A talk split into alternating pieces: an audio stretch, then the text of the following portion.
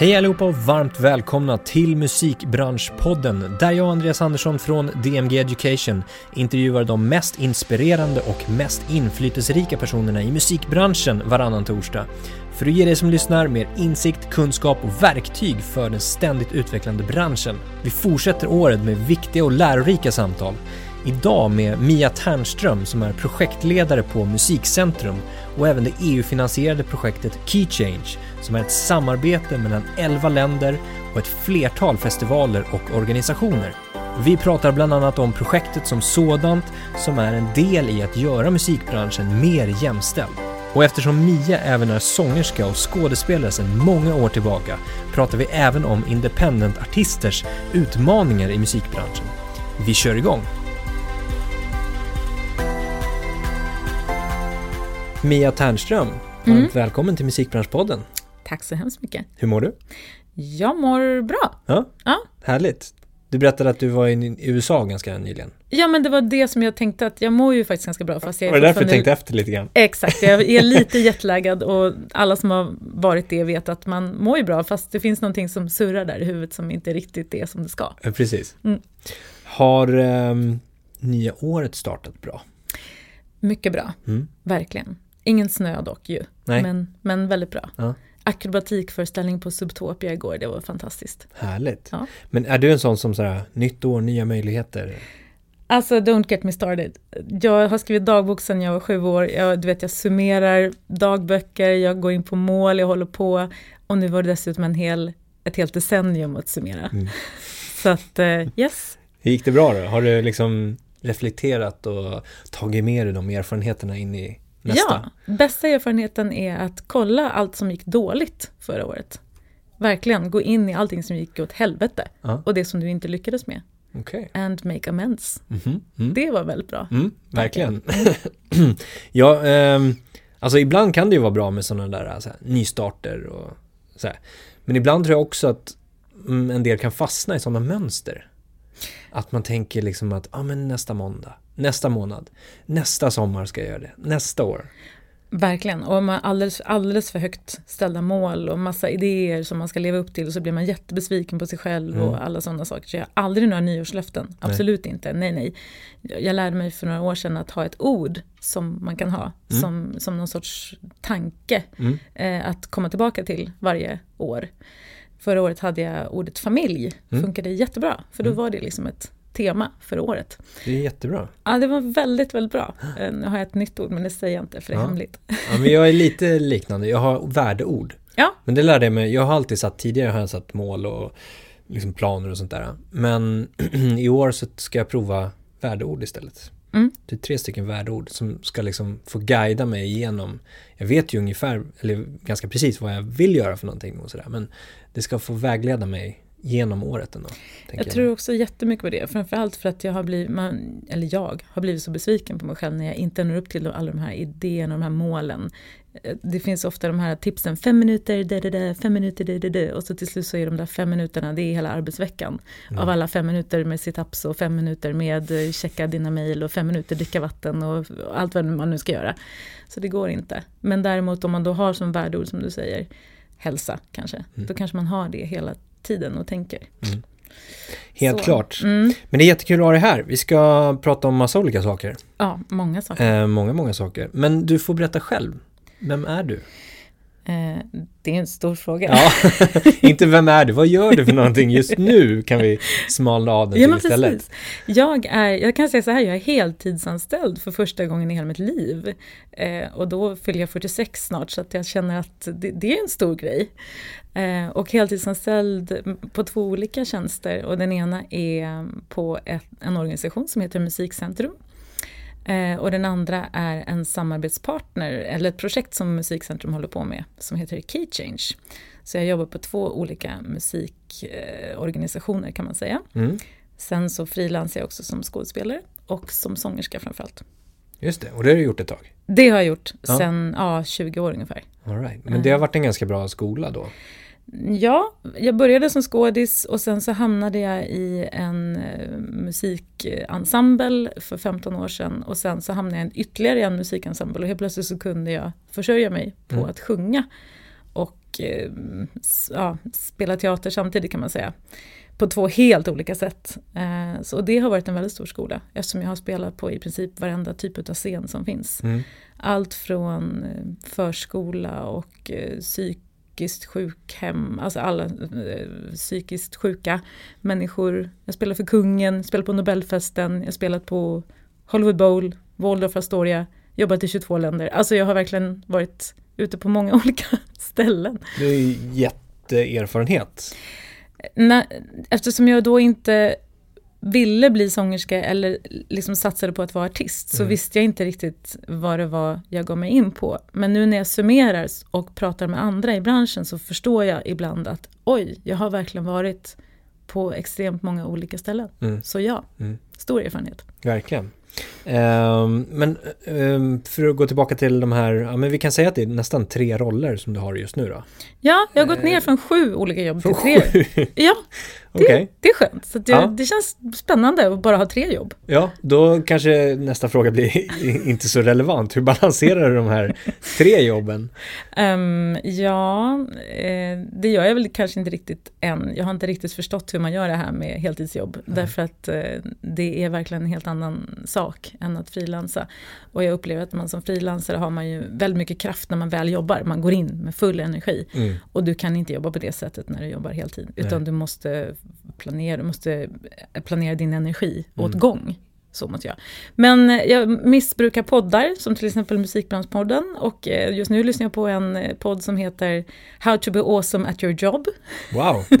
som har 530... Väldigt specifik. Mycket specifik. Den har 537 avsnitt som jag försöker lyssna på och det handlar ju väldigt mycket om hur fasiken balanserar man. Okej. Okay.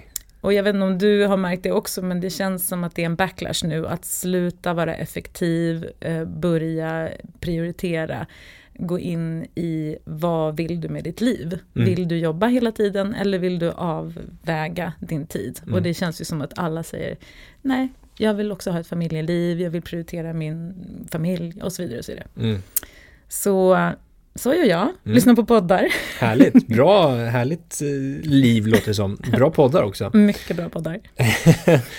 men, men jag tycker det där är intressant som du, alltså som vi var inne på, just det här med målsättning men också det du var inne på nu. Vad vill man med sitt jobb också? Jag läste, jag kommer inte ihåg nu, dålig på att referera, men eh, om det var en bok jag läste eller en artikel jag läste eller någonting jag läste i alla fall. Mm. Där det var någon som beskrev en, en eh, affärsman som var ute och, och, och, reste på semester. Och så stötte han på en lokal fiskare i något exotiskt land. Eh, och så började han prata med den här fiskaren och fick, fick förklarat för hur hans vardag såg ut. Och han var ute och fiskade om dagarna och sen försörjde sin familj kring det. Och när affärsmannen kom med en massa förslag om så här, men då skulle du kunna expandera och göra det här och så fler båtar och då skulle du kunna starta ett företag och så gör du det och det och det och det. Och så frågade fiskaren då, så här, varför ska jag göra det för? Ja, ah, men så att du kan eh, åka iväg på semester och koppla av. ja. ja, men jag gör ju det. Jag lever ju i liksom det jag vill göra. Jag är i ett exotiskt land där min, mitt liv är en semester.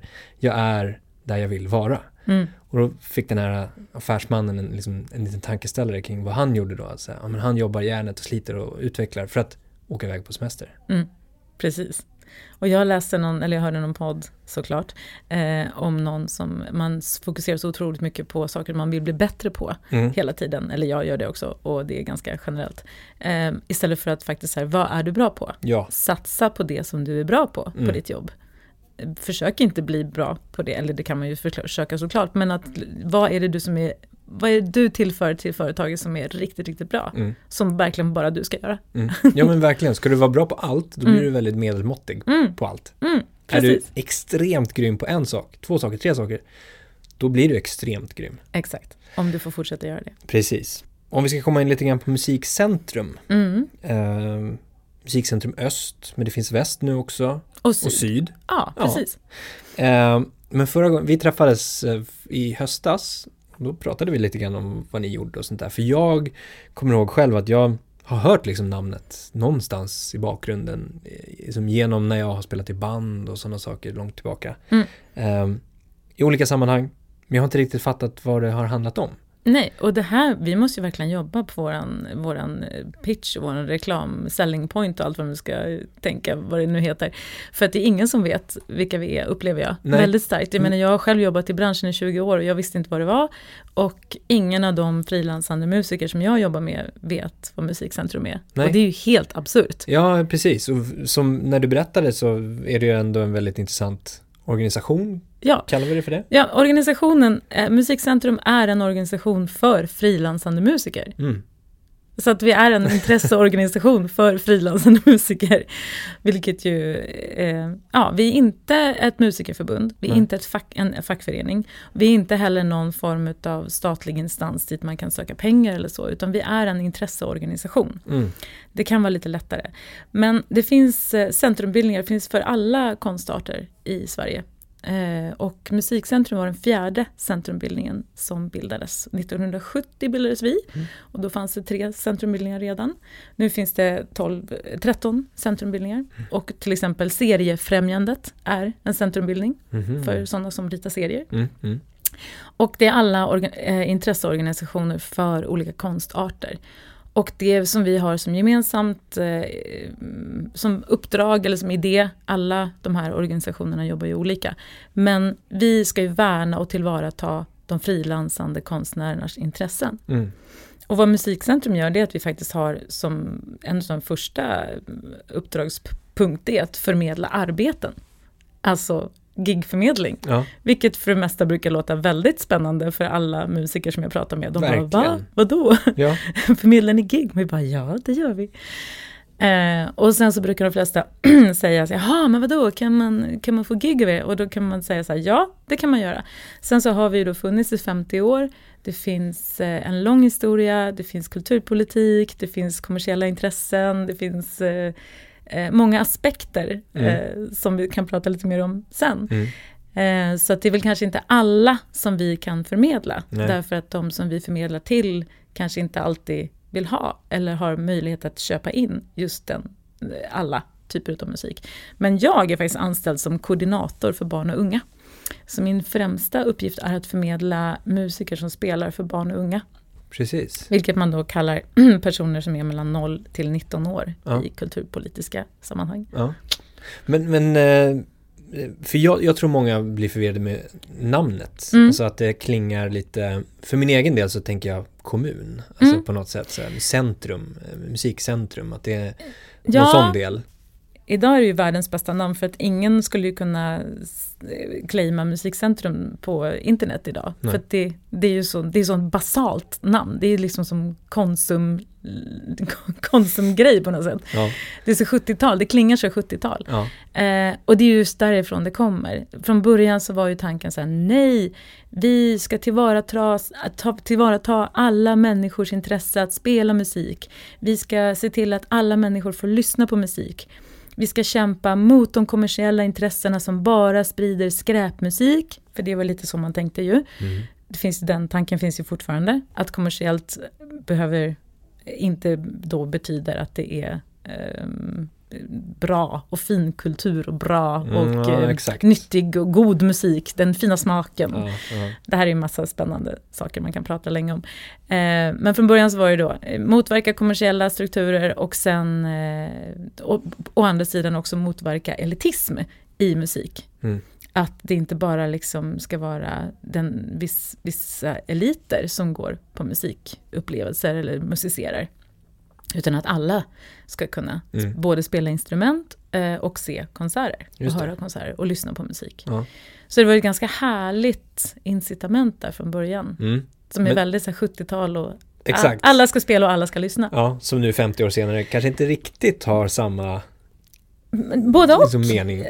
Både och tycker jag. Vi har ju liksom varit tvungna... En, en sak som var annorlunda då, det var att man tyckte att alla ska spela. Ja. Men då har ju vi blivit mer och mer uppmärksammade på att okej, okay, men alla kan inte spela och få betalt för det.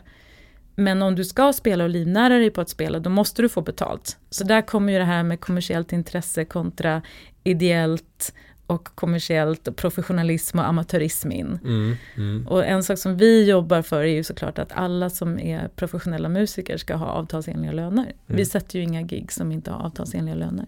Och vad är då liksom en, en, en professionellt arbetande musiker? Ja, då finns det om man ansöker som medlem till Musikcentrum så har vi en styrelse som avgör huruvida du är professionell eller inte. Och då utgår vi från samma kriterier som Arbetsförmedlingen Kultur eh, har och Mm. hade framförallt. Eh, och det handlar om att du liksom får din inkomst på att vara professionellt utövande, utövande musiker. Antingen du skriver eh, eller om du turnerar och giggar och så. Om du till exempel arbetar som lärare 70% och giggar på helgerna, Mm. då uppfattas du inte som professionellt utövande musiker utav oss. Okej. Mm. Men det är ju vi som har valt att se det på det Mm, sättet. Men mm, det här men- är ju liksom, det här svänger ju hela tiden Mm. i alla konstnärliga branscher. Och hur, alltså jag tänker så här, hur jobbar ni då för att nå de här uh, frilansande musikerna som inte vet om att ni finns? Det som är spännande med Musikcentrum är ju att om du blir medlem eh, så är ju vi ett jättestort nätverk. Mm. Vi är ju ett nätverk på nästan 2-3 tusen musiker. Och när någon musiker har liksom fått ett gig via oss eller fått vara med i någon av våra projekt som vi söker pengar till, då börjar ju de att prata. Och då sprids det ju. Mm. Så absolut. Och sen så till exempel medverka i poddar och berätta om oss. Det är så. så jobbar vi. Ja. Men det här med att, att jag tror många höjer på öronen, eller vad säger man? Eh, lyssnar specifikt noga Ja, om man är musiker. Det här med att, vadå få gig som Ja, du var inne på? exakt. Eh, att ni förmedlar, på vilket sätt då? Hur fungerar det? Mm. Det fungerar så att vi har eh, jag är då till exempel koordinator för barn och unga. Jag träffar en massa kultursekreterare i Region Stockholm. Och kultursekreterare det är sådana som jobbar på kommunen med att förmedla kultur Mm. till den kommunen. Många av dem är också ansvariga för att förmedla kultur till skolorna för den skolpeng som finns på kommuner. Ibland är de också ansvariga för något som heter Skapande skola som också inbegriper olika konstnärer. Eh, De behöver ju veta vad som finns. Mm. Eh, ofta i kulturvärlden så funkar det så att de enskilda stackars kulturaktörerna sitter och mejlar till alla de här människorna som jobbar som kultursekreterare. Det finns även någonting som heter kulturombud på skolorna. det här är krångligt. Det finns inte så mycket strukturer eh, kring det här. Ehm, så att jag blev tillsatt tack vare att Region Stockholm tyckte att ja, men den här organisationen fyller en funktion genom att ha en regional koordinator. Det behövs någon mittemellan musikerna och de som köper in barnmusik. Mm. Eh, Musikcentrum eh, har en internationell koordinator också, det är min chef. Han åker runt på en massa showcasefestivaler i hela Europa och även i Kanada och USA. Och berättar om våra medlemmar eh, för inköpare. Showcasefestivaler utomlands, det är alltså som musikmässor. Mm. Fast bara för professionella musikinköpare och musiksäljare. Mm. Och så träffas man. Och det finns Womex och Jazz Ahead och det finns, de liksom riktar in sig på olika genrer. Eh, och då kan vi åka till en sån och berätta om till exempel, vi väljer ut 20 av de bästa medlemmarna som vi känner, de här är export ready, Mm. som det heter i musikbranschen. Och berättar för inköpare om de personerna. Så vi fungerar ju som en agent kan man säga, fast vi är ju non-profit. Mm. Men det, alltså det är inte likt som Svensk Live då tänker jag mig. Alltså Sven- där är det ju mer att sälja en artist till en festival. Mm. Svensk Live är ju, nu pratar vi återigen det här med kulturpolitiska pengar och eh, kommersiella intressen. Ja, men, Eh, men för- jag tänker så här i, i Ja. showcase-festivalssammanhang. Nej. Så som jag har uppfattat Sweden Live så är ju inte det, det finns, det är visserligen showcase, men det är väldigt uttalat vem som säljer artisterna mm. och att man som inköpare då säljer, äh, köper via de här liksom, bolagen.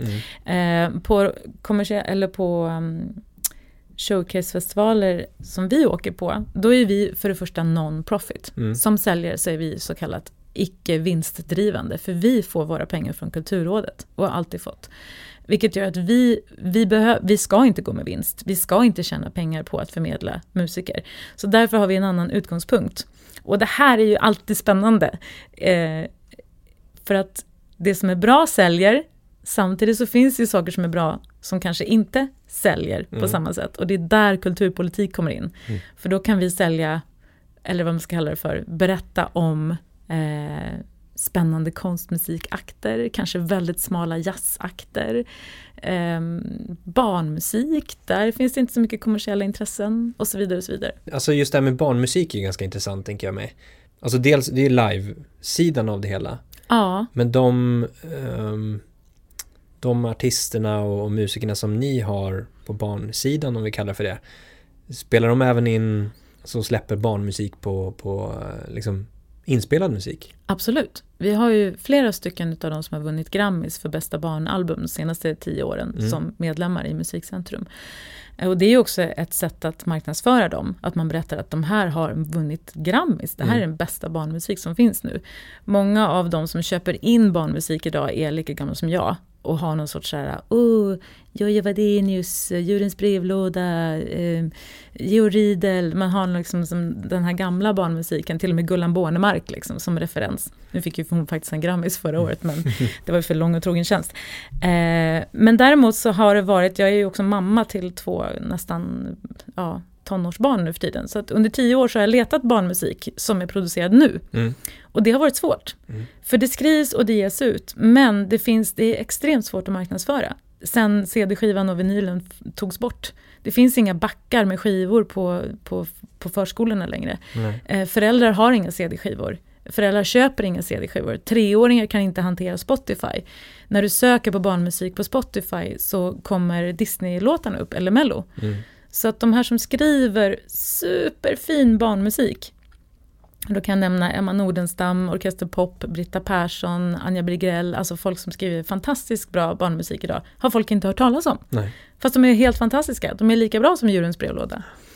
Men det finns inte kanalerna. Nej.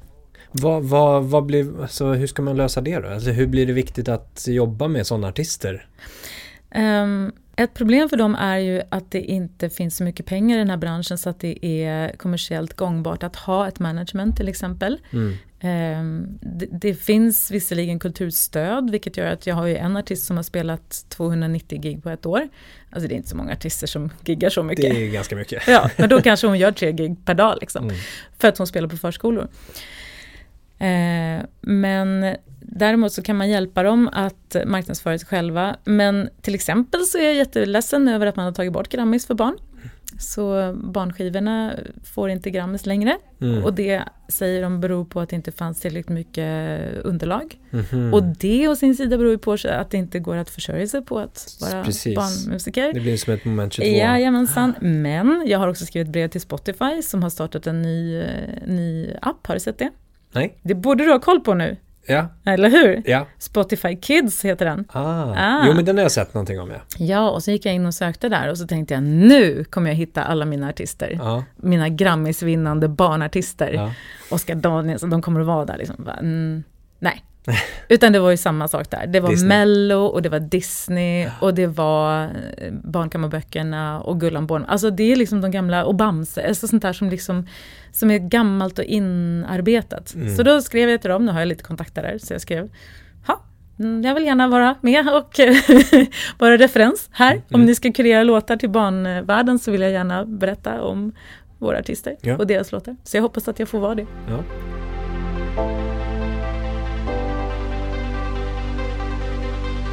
En del kanske tror att man kan söka pengar eh, av er eller genom er eller något sånt där för bidrag eller vad det nu skulle kunna vara. Mm. Men hur funkar det egentligen? Mm, det funkar, man kan inte söka pengar hos Musikcentrum för vi har inga egna resurser. Jag kan inte dela ut några stöd Nej. eller så.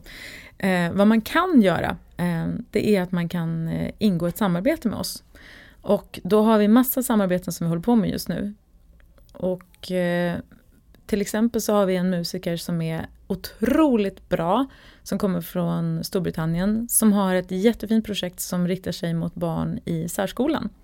Hon har 15 års erfarenhet av att göra det i Storbritannien och har en metod som inte finns i Sverige.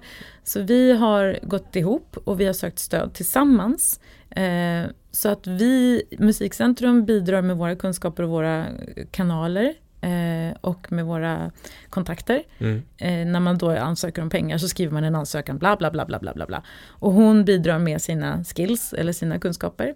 Och sen så blir det liksom så här, det här är någonting som ni bör stötta. Mm. För att det här kommer att bli av. För att vi har kanalerna, vi har kontaktytorna vi har skillsen. Eh, och vi har samarbetspartners. Och då så händer det ofta att vi får pengar. Mm. Nu har vi varit alldeles för bra på att skriva ansökningar de senaste två åren, så vi har fått jättemycket pengar. Mm. så det är en sak som vi gör. Eh, en annan grej som jag har hand om det är att göra barnkonserter. Mm. En, en konsertserie för barn som heter Efterhäng som är after dagis för barn. Mm. Och det gör vi tillsammans med arrangörer och sen så sätter vi våra medlemmar som, eh, som artister ja. i den. Så därför så blir det ju gig i och med att vi söker pengar för att vi arrangerar ett projekt. Just det.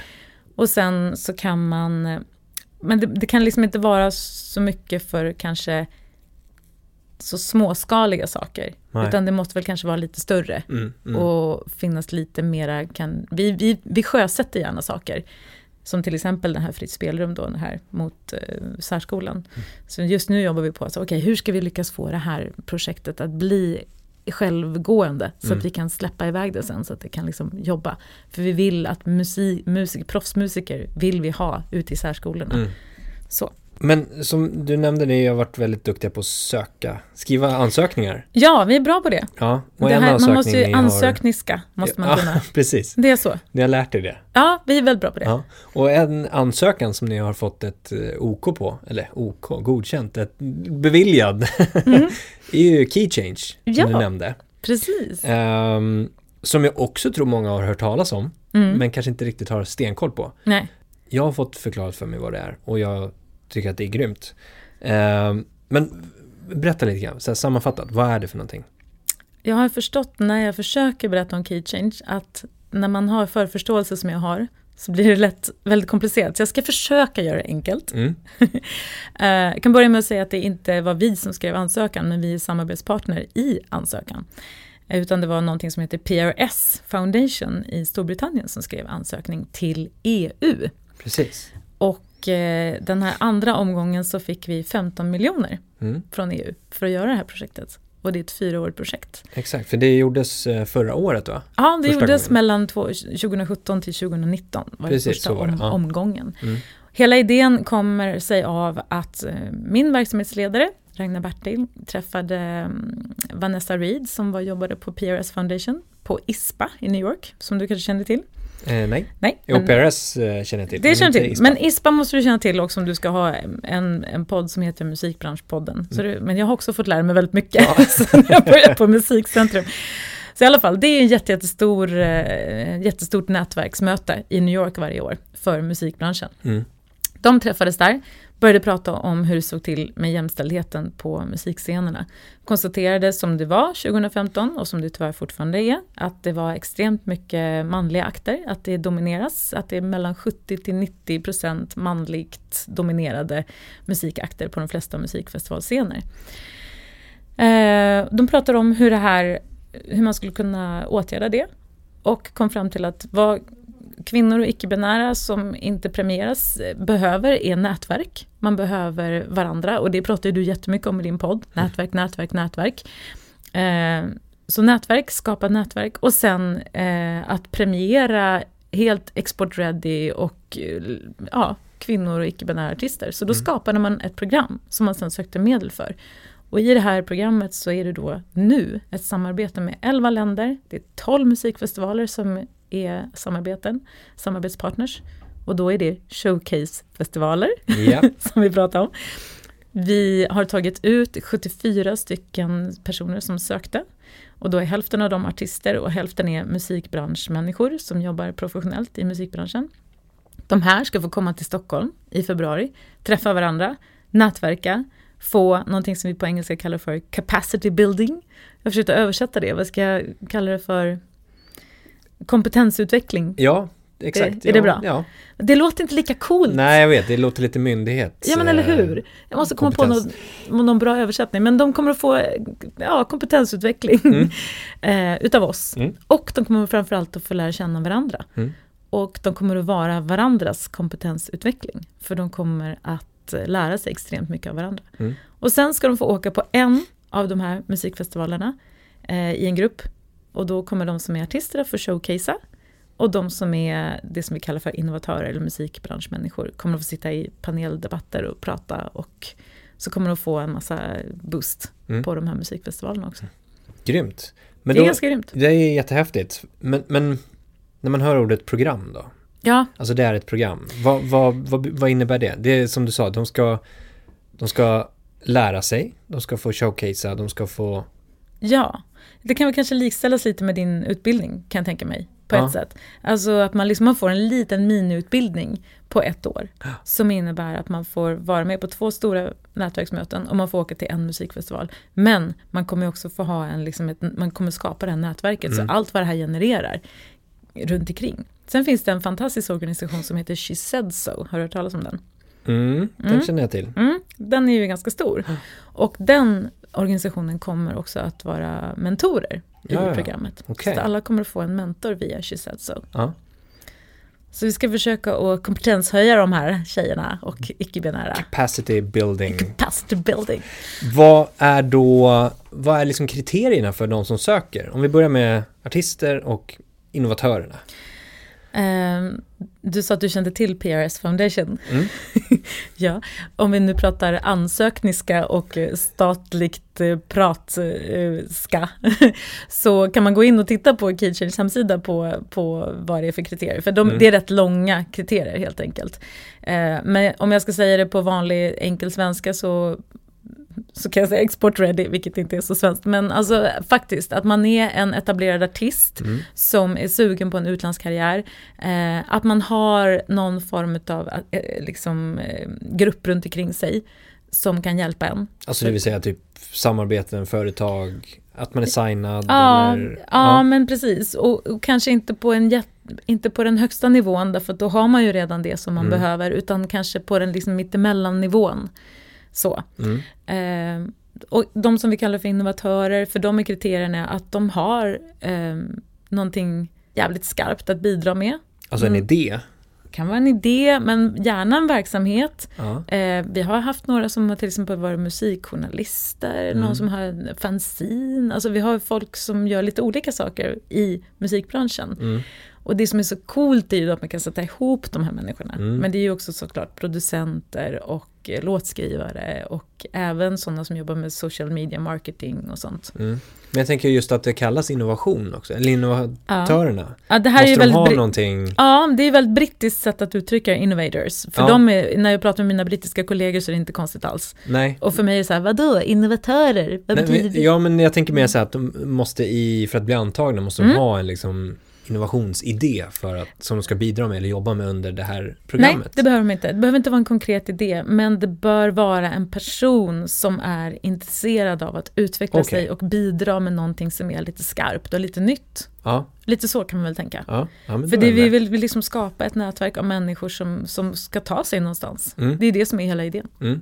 Och det slutgiltiga målet är att skapa en mer jämlik musikbransch. Precis, för att idén eller liksom grundtanken är det här att ehm, equality is quality.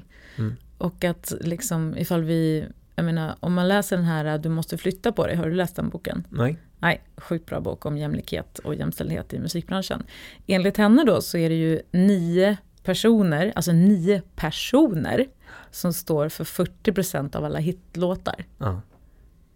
Snacka om att det liksom är likriktat. Det är en liten klick. Det är väldigt liten klick. Ja. Och de här nio personerna är dessutom killar. Eh, så då blir det så här, ha, men vad tråkigt. Och är det någonting som musikbranschen tjatar om så är det att hitta ny publik. Eh, musikbranschen tjatar ju hela tiden om så vi måste hitta ny publik. Och då är det så här, ja, det finns 51 procent som kallar sig för kvinnor och icke-binära. Mm. Vad sägs om att vända sig till dem? Nej, men det är väl också så här, att, eh, för ofta så kommer motargumentet, ja men kvalitet, det finns inga bra tjejartister, de är inte lika bra, säger en del arrangörer. Och då är man så här, ja å ena sidan så, så kan man säga, det gör visst, men man kan också ifrågasätta kvalitetsbegreppet. Det är där man landar. Så här, ja men vad är kvalitet för dig? Mm. Och vad, vad vill du ha ut av det? Jag menar, min dotter är 13, hon skiter väl i Ulf Lundell-låtar. Hon Mm. kan inte relatera till det liksom. Och jag kan också känna igen mig i det där att, så här, men vänta nu, varför lyssnade jag på Eva Dahlgren när jag växte upp? Varför lyssnade inte jag på Thomas Ledin? Liksom? Nej, Mm. för att jag, jag hade någon att identifiera mig med. Och det där med identifikation är ju liksom jätte, jätteviktigt. Och jätteviktigt för återväxten av musikbalansen också. Mm. För att om en tjej ska börja ta tag i en trumma så behöver hon se någon någon som spelar trummor för att ha liksom, någon att identifiera, identifiera sig med. Mm. Ja men exakt. Och jag tänker också att det behöver, um, alltså det behövs ju inte bara sådana här, det här är ju ett jättebra initiativ, men det behövs ju initiativ inifrån branschen också. Mm. Så att det inte bara kommer, eh, alltså återväxten som du pratar om, Mm. utan nya, eh, utan, utan att det även behövs liksom kunskap, verktyg, redskap hos den etablerade branschen Ja. kring varför och, Ja, och få kom- förståelse och då få kom- liksom, Ja, men precis, då kom det faktiskt en sån liten grej som en liten offspring till Key Change-projektet Mm. för två år sedan.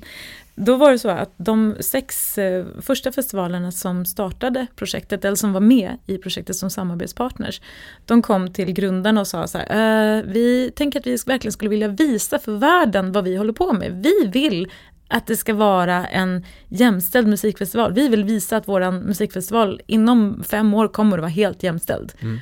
Eh, kan vi skriva på någon så här pledge eller någonting för det? Kan vi skriva på ett papper och visa att vi, att vi vill göra det? Ja, det är klart att ni kan göra det. Och så skapades någonting som kallas för The Key Change Pledge. Mhm. Så inom projektet så finns det en pledge Mm. som man kan skriva på som musikfestival. Och så kan man skriva på att ja, vi vill, inom fem år så vill vi jobba för att det ska bli en 50-50 uppställning på våran musikfestival. Mm. Och det här blev så fruktansvärt populärt så att inom ett år hade 150 musikfestivaler skrivit på det. För att alla ville visa att ja, det här är någonting vi vill jobba med. Sen så modifierade man också hela idén med den här pledgen så att olika musikfestivaler och olika organisationer kunde skriva på det utifrån olika premisser. Så Okej. att för i våras så vidgade vi den till musikinstitutioner. Mm. Så att nu kan till exempel eh, en musikinstitution skriva på The Key Change Pledge och skriva att ja, vi ska jobba för att vi ska programlägga 50-50 med, med inte bara artister utan kanske kompositörer. Vi vill ha 50-50 i våran styrelse. Och då kan man använda kunskapen som finns i Key Change till att argumentera inom sin organisation kring varför. Mm. Eh, och sen så kan man ha det som en så här utåt också, att vi har skrivit på The Pledge. Mm. Mm. Vi jobbar på det här. Mm. Vi vet att vi har Ja åtaganden. Ja. Och det blir som en liten sån här svanenmärkning i jämställdhetsvärlden. Ja, det är ju grymt. Nu är vi uppe i 300. Wow, det är ju mäktigt. Det är sjukt mäktigt, det är som en rörelse. Men det är för det är ju de, de först, den första festivalen som kom och sa det där, Mm. tog ju första steget. Mm. Och det är lite bevis på det här med eh, när man pratar om alla olika delar som ska ske förändring, att någon måste ta det första steget eller skapa medvetenhet eller liknande. Ja. Och vips så har då 300 festivaler och institutioner Mm. eh, samma mål. Det är jättekul. Och, och det som är härligt med pledgen är att den är inte så här dömande, utan den är inbjudande. Ja. Det är verkligen så här, ta det här, ha med det här bakom örat, fundera kring de här frågorna hela tiden, ha det här på din agenda hela tiden. Ja. Men går det att bredda ännu mer också? Jag tänker så här. Oj, det, det, det, vi har så mycket planer. Inom, ja, det finns. Okej, får Det inte avslöja för mycket. Jo, då, men alltså det, det går ju såklart att bläddra hur, hur, alltså det är ju all over the place. Ja. Och framförallt i kulturvärlden, jag menar det är bara att fortsätta. Mm, mm. Så. Men det ryms inom projektet så att säga. Det får vi se. Alltså det här, vi har ju fått pengar för att göra våra projekt i fyra år, men, men eftersom det växer och eftersom det knyter ihop så många olika instanser Mm. och så många, vi är 11 samarbetsländer Mm. och vi är 12 musikfestivaler och folk kommer ju och närmar sig oss. Eh, så att ja, vi har 300 olika organisationer som har skrivit på. Mm. Så att jag vet inte, vi får se. Men de här uh, olika samarbetspartnersna då? Mm. Alltså det är väldigt många. Det är olika länder, det är många partners, det är olika ehm, delar som ska sättas ihop för att det här programmet ska liksom Mm. ehm, fungera. Ja. Vad blir alltså eran roll i helheten? Musikcentrum är ju någonting som vi kallar för core partner i det här. Så det är vi, PRS och Reeperbahn-festivalen som Mm. är en jättestor tysk showcasefestival som är liksom initiativtagare till hela projektet och som nu leder. Så vi har varsin projektledare, varav jag då är Musikcentrums projektledare, Mm. eh, som, som håller på med det här eh, heltid nästan. Eh, och sen så de här partnersen som jag pratar om, det är de showcasefestivaler och även festivaler som inte är showcasefestivaler, för det är Way Out West Mm. som är vår partner här i Sverige. Mm. Och det är ju ingen showcasefestival. Det är ju en riktig festival. kommersiell. Ja, men kommersiell festival, precis. Ja. Och, och då blir det ju också lite annorlunda för dem. För de är så här, okej, okay, vi behöver verkligen ha en artist eh, utav de som har sökt som vi kan liksom sälja eller som fungerar i vårt sammanhang. Så, mm, mm. så det, det, har varit jättespännande att se. Och vi hittade fantastiska artister till Way Out West. Eh, men eh, vad var din fråga nu? Jag har tappat bort mig. Nej, jag tänkte vad eran musikcentrums ja, roll är? vi är ju liksom, ja, mitt, mitt emellan alltihopa. Ja, jag, ska, är... jag ska koordinera, jag är projektledare så jag ska Precis. koordinera artisterna. Ja. Och just nu så jobbar jag med att ta fram deras eh, kick-off-program som kommer vara här i februari mm. i Stimhuset. Mm. Eh, och sen så ska jag lägga deras eh, kompetenshöjande program, då, då Capacity Building, eh, på Way Out West mm. i augusti. Och så ska jag åka till de här andra musikfestivalerna och hjälpa våra svenska artister. Och våra svenska innovatörer. Härligt. Mm. Kan man se mm, resultatet av det tidigare projektet? Kan man se liksom tydliga, de här artisterna tog sig hit eller de här ja, innovatörerna gjorde det här? På spåret eller? är ju ett ganska populärt program på tv. Ja. De har haft ett husband ganska länge som jag tror har bestått av enbart killar. Nu så har de bland annat stoppat in eh, två tjejer som heter systrarna Vas. Har du hört talas om dem? Ja. ja. De är, var med i Key Change för två år sedan. Okay. Sen om det beror på, jag menar de har ju en fantastisk eh, drive själva, men att de ingick i Key Change i ett och ett halvt år och fick den push och den media bevaknings, liksom, den media som de fick av det, det var säkert bidragande. Mm. Ja, för det är minst lika viktigt att göra det, att följa ja. upp och visa vad det genererar, vad det ja. ger. Exakt, och det kan vi ju kanske inte säga än, Nej. Eh, eftersom det är så pass nytt. Men eh, alla de som var med sist, eh, från Sverige i alla fall, har det gått väldigt bra för. Mm. Och sen är ju alltid allting vad man gör det till. Mm. Alltså folk får ju ta det de får och så får de ju liksom smida vidare. Men vi hoppas framförallt att det här nätverket kommer igenom. Men nu kommer vi också addera någonting som vi kallar för talangbank. Så den här gången kommer vi göra en ny hemsida och vi kommer göra en sökbar talangbank på alla som kommer att delta. Och det kommer bli 380 stycken tror jag i slutändan. Eller om det blir 280. Så då okay. kan man säga, om det är någon mm. som säger nej men det finns inga kvinnliga producenter. Bara, jo, du kan mm. kolla våran talangbank först mm. och sen så mm. kan du säga nej. Bra. ja. De som har sökt nu, har de fått reda på att de får starta? De har fått reda på det, men de får inte säga det till någon. Okej. Okay. Och jag är jättespänd på att säga vilka det är, men jag får inte. När släpps det då? Det släpps i slutet av januari. Mm. Och vad, hur många från Sverige? Tre artister och tre innovatörer. Okej, okay. mm. spännande. Mm, det är sjukt spännande faktiskt. Och det är så jättebra artister. Jag är ja. jättenöjd. Den spellista som vi hade som var så här, den som man skulle lyssna på inför uttagningen, det var det bästa jag lyssnat på på länge. Mm.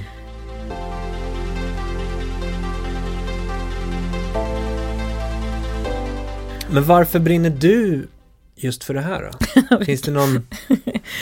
um, varför jag som person brinner för jämställdhetsfrågor inom musik? Mm. Um, jag eh, föddes på 70-talet, hade en mamma som var det som man väl kallar för rödstrumpa på den tiden. Jag eh, läste och sjöng eh, kampmusik när jag var liten. Det fanns en grupp som hette Röda Bönor på den tiden. Jag vet inte om du har hört talas om det någon gång? Nej. Helt fantastisk, progg-feministgrupp. Som jag då lyssnade väldigt mycket på. Eh, vilket gjorde att jag hade någon sorts feministiskt eh, medvetande redan när jag var 5-6 år. Så att under hela 80-talet så var jag uttalad feminist och det var lite så här eh, konstigt på den tiden. Um, och sen på 90-talet när det kom, liksom, när det blev lite större med Fittstim och det, det liksom hände ganska mycket där i början på 90-talet. Då fick jag en ny uppvaknande kring det och sen så pluggade jag en massa om genus och helt plötsligt kom det här med genusvetenskap så att jag har hållit på med det här i 40 år. Ja. Så det är nog kanske svaret på din fråga. Ja. Eftersom jag har varit så engagerad i frågan under lång tid. Mm. Så. Har du själv alltså, erfarenhet av motstånd i din liksom, artistiska karriär som skådespelare och sångerska? Um, ja, det har jag såklart. Um, det finns en massa olika aspekter som är lite jobbiga att prata om eftersom när man då ska liksom prata om att ja men det var jobbigt för mig för jag var kvinna. Då blir det alltid så här, jaha men du var ju uppenbarligen inget bra. Men eh, det har man ju pratat med kollegor om också. Och jag menar hela metoo-rörelsen tycker jag satte väldigt mycket finger på det. För jag var ju med i den första Facebookgruppen som bildades eftersom jag är då skådespelare från början. Mm. Så att det började, jag kommer ihåg när det började liksom rassla in en massa så här, ah, vi har bildat en, en grupp här och vi ska Fan, det här måste vi ju ändra på liksom. Mm. Alla som har varit med om någonting, posta det här i gruppen så ska vi sammanställa det. Och man bara, vad är det här? Och så bara rasar det in grejer. Och så insåg man att, men gud, det här har jag också varit med om. Och nu ska jag inte hamna i den här fällan som vi i Keychange pratar mycket om, att koppla ihop metoo och eh, jämlikhet, därför att det är två helt olika saker. Eh, sexuella trakasserier kan ske mot alla kön och, och alla könsidentiteter. Och det är många också som sätter sig ner och säger, det var så synd om mig för att jag har haft det så jobbigt som artist. Eh, men det är klart att jag har. Jag, menar, jag, jag har hoppat runt i prinsessklänning och jag har hoppat runt i kort kort och med nätstrumpor i 20 år på scenen.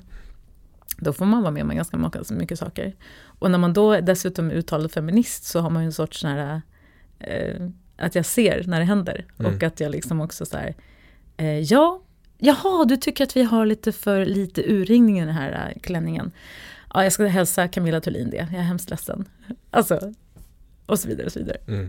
Eh, men en annan sak som är ganska viktig just för kvinnor, det är ju att vi föder barn. Och att jobba som artist och konstnär och eh, med sin kropp och på turnéer och sånt, det är ganska svårt att kombinera samtidigt som du ska ta hand om en bebis. Mm. Eh, på det fysiska sätt som man behöver ta hand om en bebis. Och så har du ju ofta en tendens att gänga dig med någon annan som dessutom också är frilansande artist. Ja. Det är väldigt vanligt. Så kulturpolitiskt så behöver man till exempel se över det här. För att extremt många kvinnor och icke-binära slutar när de får barn. Mm, Därför att mm. Eh, det blir för svårt att kombinera det i arbetslivet med att ha barn. Mm. Så att en sak som vi pratar om nu det är att arrangörer kanske bör ha ett bebisrum. Det kanske bör finnas i alla ansökningsbudgetar eller alla budgetar som läggs. Eh, pengar för barnomsorg mm. för att artister ska kunna komma till de här scenerna och ta med sig bebis och barnvakt. Mm. För det är ju sånt där som man måste jobba med själv som artist. Kostar skitmycket pengar, jättemycket kraft och gör att man oftast avstår från att gigga. Mm. Men det är någonting som alltså, är kulturpolitiskt som skulle kunna påverkas? Det tänker jag. Eller ja. att man generellt liksom bara har det bakom örat. Att just ja, vi ska ju anställa en yrkesgrupp som jobbar extremt mycket med att åka runt. Mm. Jo men absolut. Och som inte kan det... ha sitt barn på dagis mm. de vanliga tiderna. Men hur får man den Exakt. organisationen eller personen eller företaget att ha det ja, i baktanken? Hur får man... det Ja, exakt. Och där, där, där behöver man liksom så här, okej, okay, om vi nu ska ha kvinnor på scenen, mm är det då värt att vi kanske, eller även män, för det här är ju liksom någonting som vi pratar om föräldrar. Mm. Musiker på turné är ju faktiskt ofta föräldrar. De, folk tar ju väldigt ofta med sig sina barn. Men det är som att det är liksom en undantagsgrej. Man tar inte liksom hänsyn till det. Det finns oftast kanske inte rum för de här barnen, det finns inga pengar för att anställa en barnvakt eller så. Mm. Så det känns som någonting som man vill gärna sätta på agendan. Mm. Det är många barn som växer upp med under bord på rockklubbar i ölflaskor och ja men du vet, det mm. känns som att det vill jag ändra på. Precis.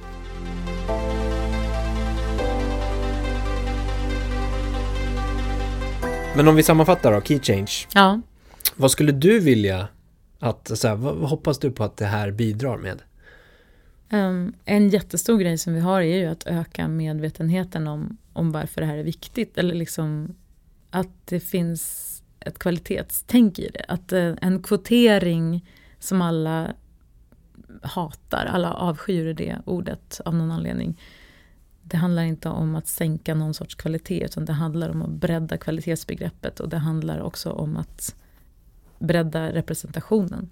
Så att alla känner sig sedda och finns med mm. på scenen. Mm. Nu, jag menar, nu börjar vi med kvinnor och icke-binära men vi jobbar ju självklart med, också med hudfärger och sen jobbar vi naturligtvis även med människor med funktionsvariationer. Mm. Sådana personer ska också finnas med på scenen. Mm. De ska finnas i våran liksom, syn. Så om fyra år, eller om fem år, när det är klart, den här, den här omgången? En vidgad norm. En vidgad norm, mm. ja. Men inget specifikt kring så här, det här ska också x antal av de här festivalerna ska faktiskt ha uppnått 50-50 i det, fördelning? Det upp, nu har jag liksom tänkt och jobbat med det här så länge så det är så här, ja såklart. Ja. det känns som en självklarhet. Ja. På något sätt. Men i, i förlängningen så är det ju liksom det här med vidgad norm som jag tycker är en stor grej. Att, att man liksom har en större förståelse i samhället kring att vi har haft en nor ett normtänk. Och att vi inte ska ha det på samma sätt längre. Så att fler personer har lika stora eh, möjligheter. Mm. Eh, eller att alla ska ha lika mycket möjligheter. Och det är ju väldigt mycket av de frågorna som diskuteras överallt just nu. Mm. Och vi försöker dra våra små strån till den stacken. Mm. Jag har lärt mig väldigt mycket om könsidentitet kan jag säga i det här projektet. Jag har framförallt lärt mig att jag inte kan speciellt mycket om det. Mm. Och att det är en komplex och stor fråga. Mm. Så jag ska inte uttala mig så mycket om det.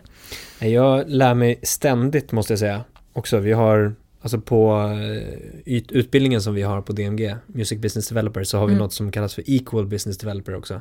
Som är um, alltså mer av ett initiativ. Mm. Uh, där vi på våra fysiska träffar till exempel jobbar med workshops, vi diskuterar det här, vi pratar kring just normer, jämlikhet och jämställdhet.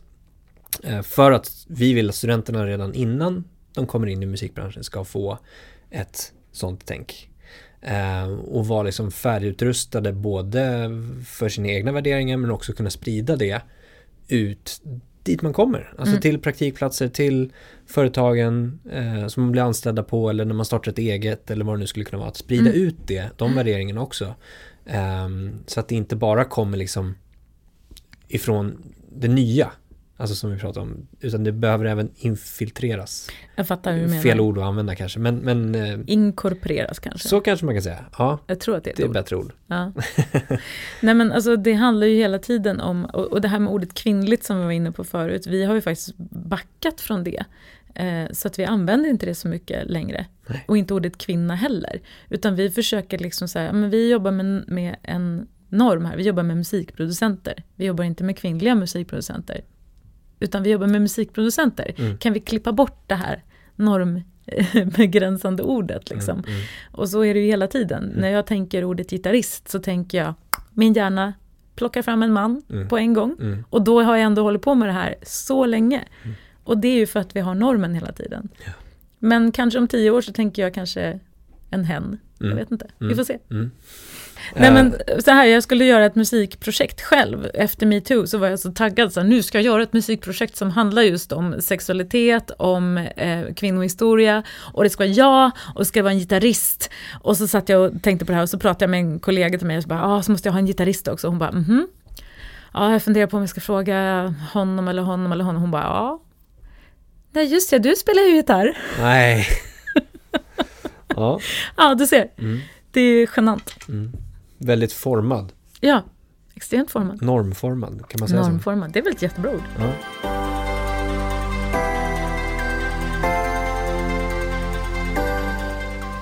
Du som eh, ändå har varit frilansande musiker.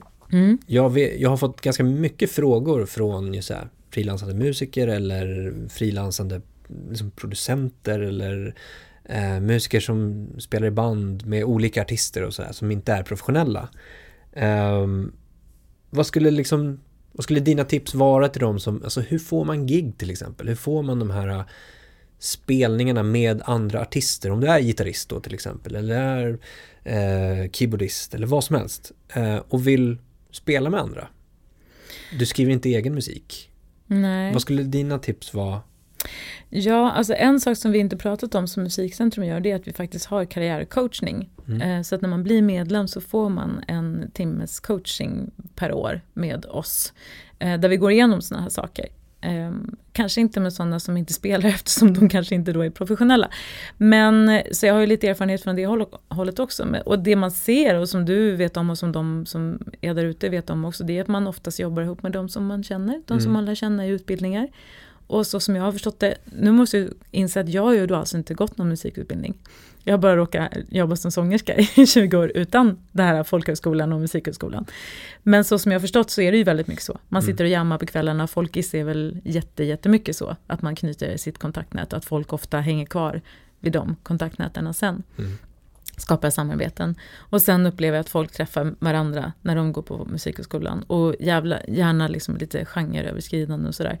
Men annars så är det ju som hela tiden nätverk, vara öppen, gå med i Musikcentrum, kom på våra glögg och prata med alla som kommer dit. Och, alltså gå på manifestgalan, gå på, gå på olika tillställningar. Försök att vara del av olika nätverk. Mm. Och vara öppen och prata. Och sen om man då är en sån här härlig introvert person, som jag själv kan vara ibland, då får man väl jobba digitalt då antar jag. Och Mm. försöka hitta. Se det som hjälpmedel. Ja, Digitala hjälpmedel. Ja men exakt. Och visa Ja. att man är sjukt duktig och, och skicka prover på det man kan göra till folk och säga ja, jag skulle jättegärna vilja jobba med dig eller så. Men är det så man går tillväga då? Jag jag vet att många undrar så här, hur, ja, men jag förstår så här. Om, om jag väl träffar den då, hur, hur säger jag det? Hur, Ja, visar jag det? Hur pratar jag? Hur framför jag min kunskap? Eller min, liksom, Och där kan man väl komma tillbaka till där vi började. Det finns ju inga standardsvar. nej. Alltså det, du måste ju alltid utgå från dig själv. Och du måste ju liksom vara dig själv. Och, och så måste det klicka. Mm. Precis som i alla andra sammanhang. Och om du, jag menar om man har en ingångspunkt att man beundrar någon väldigt mycket eller att man säger, ah du jag har hört din låt och jag tänkte, jag har gjort en cover på den. Eller jag, alltså liksom om man bara visar att jag uppskattar dig jättemycket. Mm. Det brukar de flesta smickra. Mm. Ja, ja. Nej men alltså att man visar intresse och genuint liksom eh, konstnärskapskontakt eh, på Mm. något sätt. Mm. Borde väl vara en bra ingång. Men för mig så var det ju audition. Jag har ju gått på extremt mycket auditions. Mm. Så att jag har ju fått mina jobb på auditions. Och det vet inte, jag, det finns ju inte så mycket auditions Nej, det är väl det. för Liksom, musiker. Nej, men, men det de- finns väl kanske till en del, alltså man lär känna kapellmästare. Mm. Bli bästa kompis med en massa kapellmästare och gör jävligt bra ifrån dig. Det är också det att eh, får du chansen att göra ett gig, gör ditt absolut bästa. För i musikervärlden så är ju ett gig ofta audition. Mm. Så som jag har förstått det. Eh, om du får, i mitt ABBA-band till exempel, får du chansen att hoppa in då, sätt dig in i materialet och gör ditt absolut bästa. Var övernördig. Mm. Och så gör du jättebra ifrån dig och då kanske du liksom får chansen att göra fler gig. Mm. Och framför allt när det är en sådana gig som liksom när man då kan få jobba flera gånger. Det är bra att satsa på. Mm. Det är bra. Ja, jag menar alltså, många musiker idag som åker runt och som jobbar mycket, det är ju de som har hamnat hos artister som snurrar mycket. Mm. Alltså Jill Johnson, eh, Eva Dahlgren, Kikki Daniel, alltså sådana här som har turnerat mycket och Carola. De som har husband, de musikerna har ju jobbat jättemycket för Mm. att artisterna Mm. jobbar så mycket. Exakt.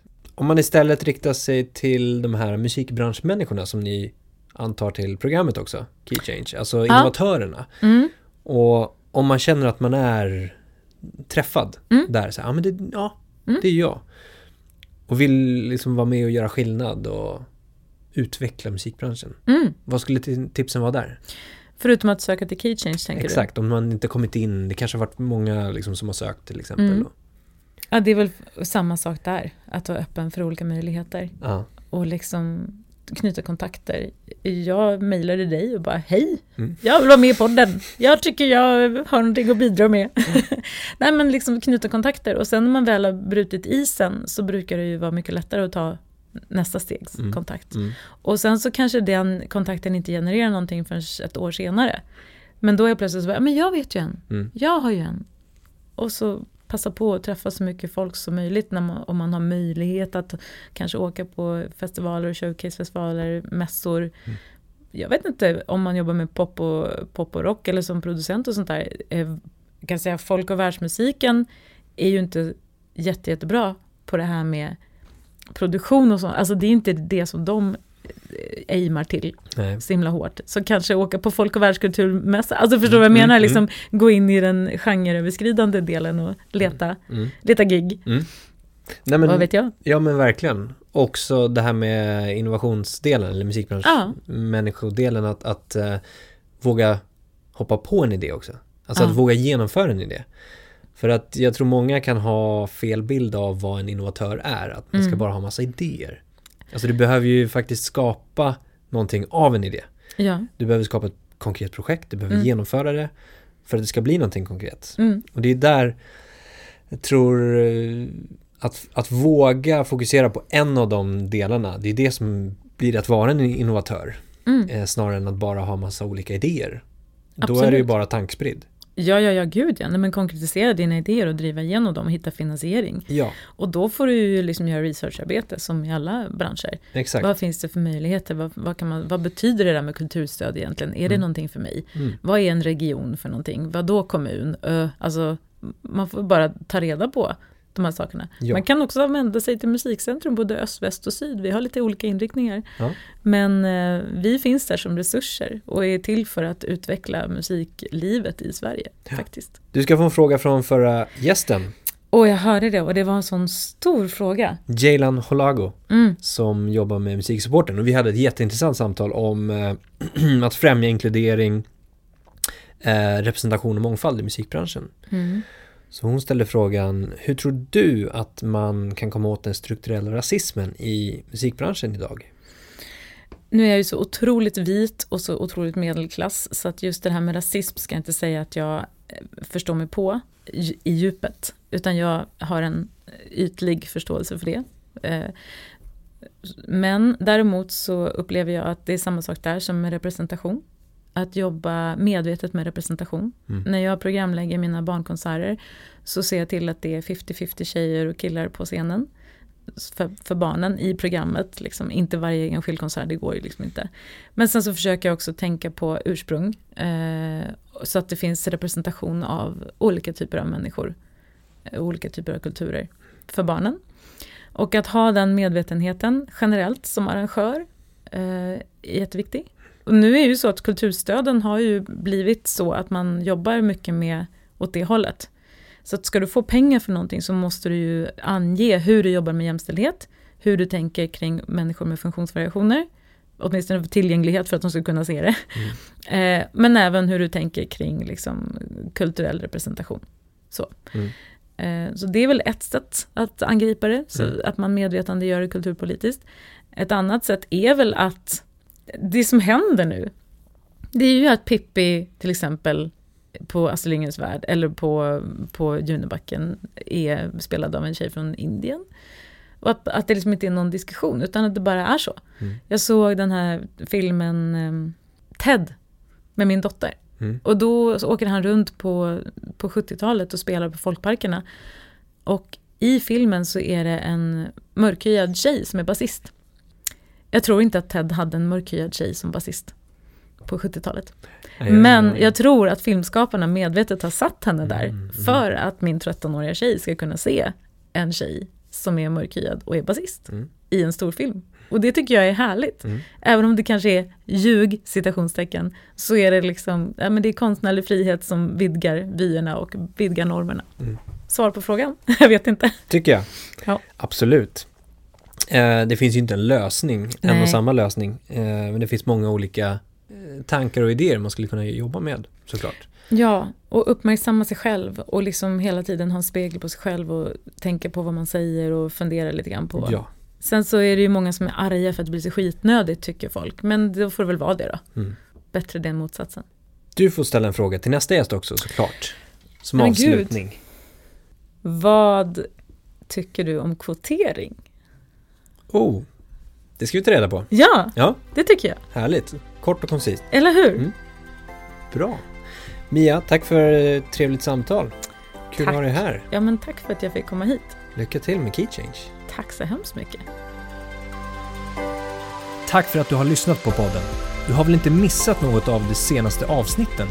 Och kom ihåg att prenumerera på podden för att inte missa viktig kunskap. Vem tycker du ska vara med i podden och vad vill du lära dig ifrån podden? Hör jättegärna av dig till mig på andreas@dmgeducation.se. Alla tips är jättevälkomna.